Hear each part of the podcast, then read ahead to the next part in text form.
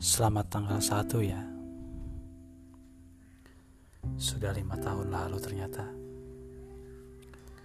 Sebuah kado terakhir waktu itu. Ya Terakhir perpisahan yang semua orang tidak mau Tidak ingin Dan tidak-tidak sampai terjadi Bahkan kedua orang tua kita. Apalagi yang tersisa dari tiupan lilin dan balon-balon yang merelakan tubuhnya digantung di atas pojokan kamar.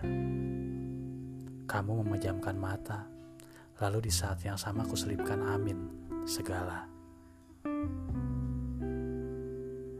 Dan tak habis pikir, selamat dan nyala lilin kulakukan berulang. Bahkan sampai tahun sekarang.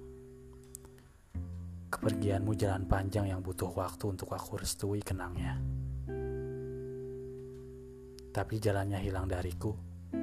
Tak bisa aku tinggalkan kebiasaan ini. Seperti merayakan senyuman, tapi berulang kali air mata terjatuh.